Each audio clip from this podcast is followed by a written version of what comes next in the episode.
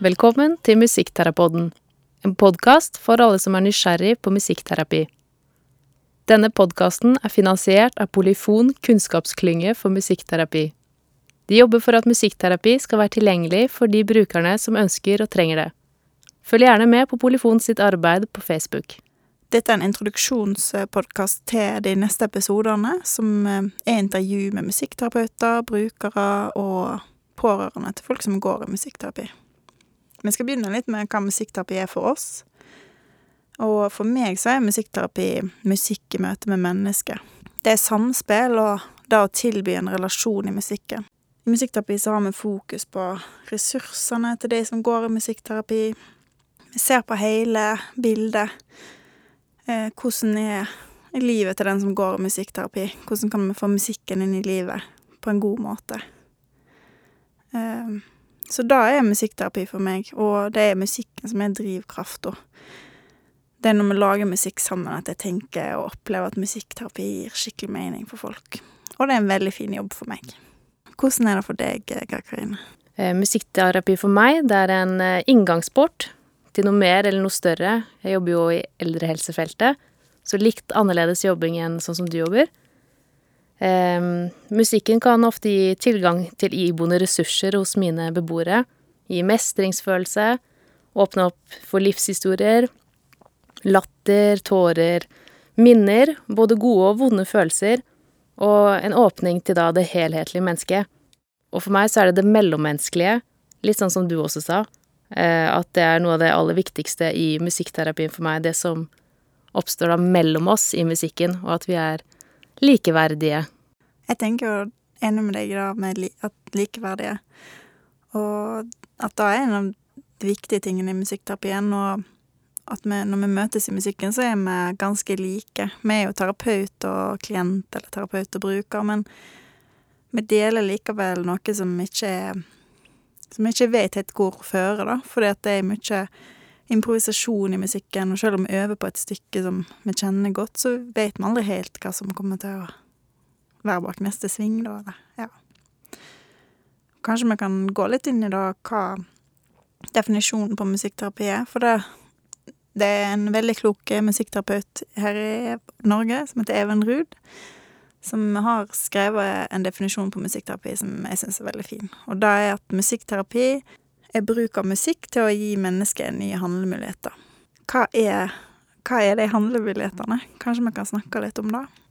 Handlemuligheter, det er jo mye du kan legge i det ordet. Mm.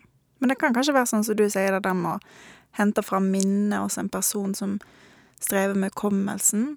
Det vet vi at musikken den har eh, pleier å si at den har motorveien inn til følelsene og til minnene våre. Så den Kanskje du ikke husker språk lenger, men så husker du den sangen som du hørte på når du var 15 år, eller Da tenker jeg at mange som kjenner en person med demens, kan kjenne igjen, da. Mm. Så kan det definere veldig hvem du er, den musikken du liker å høre på, så varierer det jo veldig fra, fra dag til dag. Og det er jo en viktig jobb for oss musikkterapeuter å kunne tilpasse da den daglige, hvilket humør du er i kanskje til musikken, og kanskje hjelpe til med å regulere følelser, eller av og til bare snakke kan også være viktig, da. Mm. Ja, for det er den friske sida, å snakke om den friske sida. Ja. Hvis en er innlagt på psykiatrisk, for eksempel, og har det vanskelig og skikkelig kjipt, så kan det være godt å treffe noen og bare snakke om favorittmusikken sin. Og dele, dele litt Bob Dylan sammen, eller Ja. Det kan lage litt sånn god stemning, kanskje, da. Og andre dager så er det kanskje bare de små tingene som er viktige. At det er å få blikkontakt, å få et smil, eller et blunk. At det kan være en god respons, da. Ja, og da er jo sånn som så for eksempel når vi i musikkterapien som er veldig opptatt av den der med den kommunikasjonen som du snakker om nå, sant, de små bevegelsene eller den lille lyden i stemmen, da kan du tenke på små barn. Når vi prater med en baby, eller prater, men når vi synger med en baby, da, så er det Det er vel den første måten å kommunisere på. Når jeg sier sånn ah til en baby, og så sier den ah, så er det på en måte musikk, da. Vi toner oss inn på hverandre. Det er kanskje den musikken du snakker litt om nå, når du sikkert tenker på de eldre som du jobber med. Ja. Når du toner deg inn på de dagsformen deres, eller hjelper de i gang med noe, eller Og det er jo nye handlemuligheter, egentlig. Det å kunne sette i gang en aktivitet de kanskje ikke hadde klart selv å begynne med. Eller det å ha band, da. Og lære å spille instrument og Ja, og ta musikken i bruk som en sånn ressurs i livet, da. Et, eh, en handlemulighet er jo å skrive om eh, Det jobber jeg en del med. Vi skriver en del tekster sammen og lager musikk til, til ting som er vanskelig i livet, kanskje, eller som er positivt, eller Ja, det er kanskje en sånn vanlig måte å jobbe i psykisk helsevern. Eh, en sånn type handlemulighet, da. Mens jeg ville kanskje satt i gang en sang, og så dukker det kanskje opp en samtale mellom to beboere. Og da plutselig har det dukket opp kanskje et vennskap der, som gir nye handlemuligheter igjen på et, på et sykehjem, som er et kunstig sammensatt samfunn hvor du kanskje ikke liker alle du har blitt plassert sammen med, men at vi hjelper de med å forme nye relasjoner og bli kjent da gjennom musikken. Og kunne dele litt der. Så kanskje det, der med å dele noe, da, og dele musikk, da tror jeg mange opplever som veldig meningsfullt. Musikkterapi er et veldig mangfoldig fagfelt, og musikken følger oss jo hele livet, så det er naturlig at musikkterapien òg kan følge oss hele livet. Og det er mange måter å bruke musikkterapi i behandling eller i, i livet, da. Det kan være alt ifra å høre på musikk sammen, improvisere på et instrument, lære seg å spille et instrument, synge i lag, skrive låter, jobbe med musikk på PC, produsere musikk og sette tekst til allerede innspilt musikk. Det er veldig mange forskjellige måter å gjøre det på, og musikkterapien er et ganske stort fagfelt her i Norge i psykisk helsevern, og der spesielt er det kommet inn i, i flere retningslinjer der både for rus og for, for personer med psykoselidelse. Og da ser vi at musikkterapi er veldig bra på motivasjon, og motiverer til annen type behandling. Og musikkterapien har vært lenge i spesialpedagogisk kontekst, eller med barn som har litt utfordringer, så kan musikkterapi være en sånn motivator for å lære seg nye ferdigheter, eller åpne for kommunikasjon, da. Og alle disse tingene skal vi gå litt mer inn på i episodene som kommer, for da er intervju med musikkterapeuter som jobber tett på disse problemstillingene. Og det er spennende å høre på hvordan de får Eller hvordan klienter som går i musikkterapi, får til så masse med musikken, da. Så det gleder jeg meg til. Tenker at vi skal snakke litt om hvordan en blir musikkterapeut òg, for da er det veldig mange som spør oss om. Og hva svarer du da, Karine, når folk spør deg? Hvis du ønsker å bli musikkterapeut i Norge i dag, så har du to valg. Du kan enten gå i Oslo, på Norges musikkhøgskole. Da må du ha en bachelor i bunn. Og så må du ta et årsstudium som heter musikk og helse, som de har der på NMH. Og så tar du en toårig master etter dette. I Bergen så kan du begynne egentlig rett fra videregående hvis du vil, for der er det en femårig integrert master som du går på. I de neste episodene som vi skal ha med gjester, så har vi noen spørsmål som vi skal stille til deg, og nå har vi lyst til å bli litt kjent med de spørsmålene, og vi har lyst til å svare på de òg, så dere kan få bli litt kjent med oss. så da spør jeg deg, Ega Karine, hva er det viktigste for deg å formidle om musikkterapi til de som hører på denne podkasten? Det viktigste for meg tror jeg er at jeg ikke bare er musikkterapeut alene, at jeg ikke bare er på et rom og driver med musikkterapi på en måte skjult for de andre, men at jeg er en helhetlig del av avdelingen og sykehjemmene. Tverrfaglig samarbeid er veldig viktig for meg, at jeg kan samarbeide med andre faggrupper, men også med de pårørende. At jeg kan være til hjelp når situasjoner oppstår på avdelingen, eksempel, men også at jeg kan drive med veiledning av ansatte og pårørende i bruk av musikk som miljøtiltak, eller som behandlingstiltak som de kan drive med når jeg ikke er på jobb, da. Hva er det som er det viktigste for deg å formidle om musikkterapi til de som hører på? For meg er det viktigste at uh, musikkterapi så har vi fokus på hele mennesket, da. Det er plass til både det å være sjuk og de friske sidene, og det er plass til humor og lek og alvor.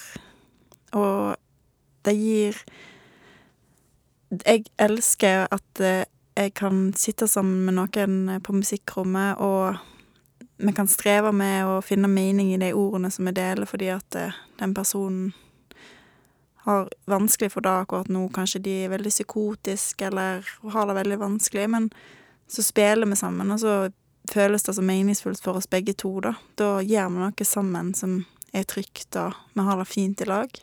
Du får som musikkterapeut ta del i den reisa som de som går musikkterapi, drar ut på, da. Enten det er bare å spille litt sammen, eh, forsiktig på et piano på musikkrommet, eller å spille konsert ute i den store verden. Og begge de tingene er like masse musikkterapi og like viktig for meg, da. Og òg det å bare lytte til musikk i lag og høre om at noen forteller meg at de har greid å sette på en sang og sunge med når de har vært sinte, da, i stedet for å bli sinna på noen eller gjøre noe som de ville angre på etterpå. Så har de brukt musikken til å få ut følelsene sine. Og da er det som er viktig for meg å formidle med musikkterapi, at det er alt mulig. Det er plass til alle i musikkterapien. Hvilken plass har musikk i ditt liv utover jobben som musikkterapeut? Mm, musikk for meg er en måte å regulere følelser på. For meg er det viktig å spille høy musikk i bilen på vei hjem fra jobb, for da har jeg hørt Med jobben min i psykisk helsevern, så har jeg ofte hørt masse tøffe historier. Da trenger jeg liksom musikken til å rense hjernen litt og bare synge med og Ja, det er en måte å regulere meg på. Jeg elsker å sitte på fredagskveldene og høre på LP-plater og slappe av, da. Så musikk er viktig i livet mitt eh, utenom jobb òg, men det kan bli litt eh, det, det blir, Musikken har fått ei anna rolle i livet mitt etter jeg begynte å jobbe som musikkterapeut. Før så spilte jeg i korps og eh, hadde masse sånn fritidsaktiviteter knyttet opp til musikken. Og da måtte jeg slutte med, for det ble for masse musikk for meg. Ja. Så er jo musikk en viktig del av ritualet som vi har i alles liv, tenker jeg. Altså Jeg liker å velge ut julemusikk til jul, og ja, bruker musikk eh, til feiring og i sorg og Ja. Det setter liksom litt sånn soundtrack til livet, da, kanskje. Hvordan er det for deg med musikken, da? Vet jo at du spiller litt mer enn meg på fritida di. Ja, jeg bruker ganske mange dager med korps og eh, øving selv. Så når jeg kjører hjem fra jobb, så liker jeg ofte å ha det helt stille. Og at det ikke er så mye lyd. Eh, rett etter jobb så har jeg behov for å ikke høre så mye på musikk, for da har det vært mye lyd i løpet av dagen. Både av musikk, men av annen støy også, som ofte kan være på en arbeidsplass. Men utover ettermiddagen, hvis jeg ikke da er på øvelse, så vil jeg kanskje sette på litt musikk jeg, hvis jeg lager mat, eller hvis jeg skal slappe av, så setter jeg på en måte på rolig musikk, eller sånne ting. Men eh, det bruker det ikke så mye kanskje som det du ville gjort, men det har kanskje noe med at jeg har en hobby som også er musikk på kveldstid, som tar ganske mye tid, og da er det behov for å koble litt av. Vi jo inne på det som er litt med musikken òg, da, at det er godt med musikk, men det er godt med ro òg. Det er ja, kanskje en av de viktigste jobbene til musikkterapeuten, å regulere det med å ha musikk på, eller, eller å ha det rolig òg, da.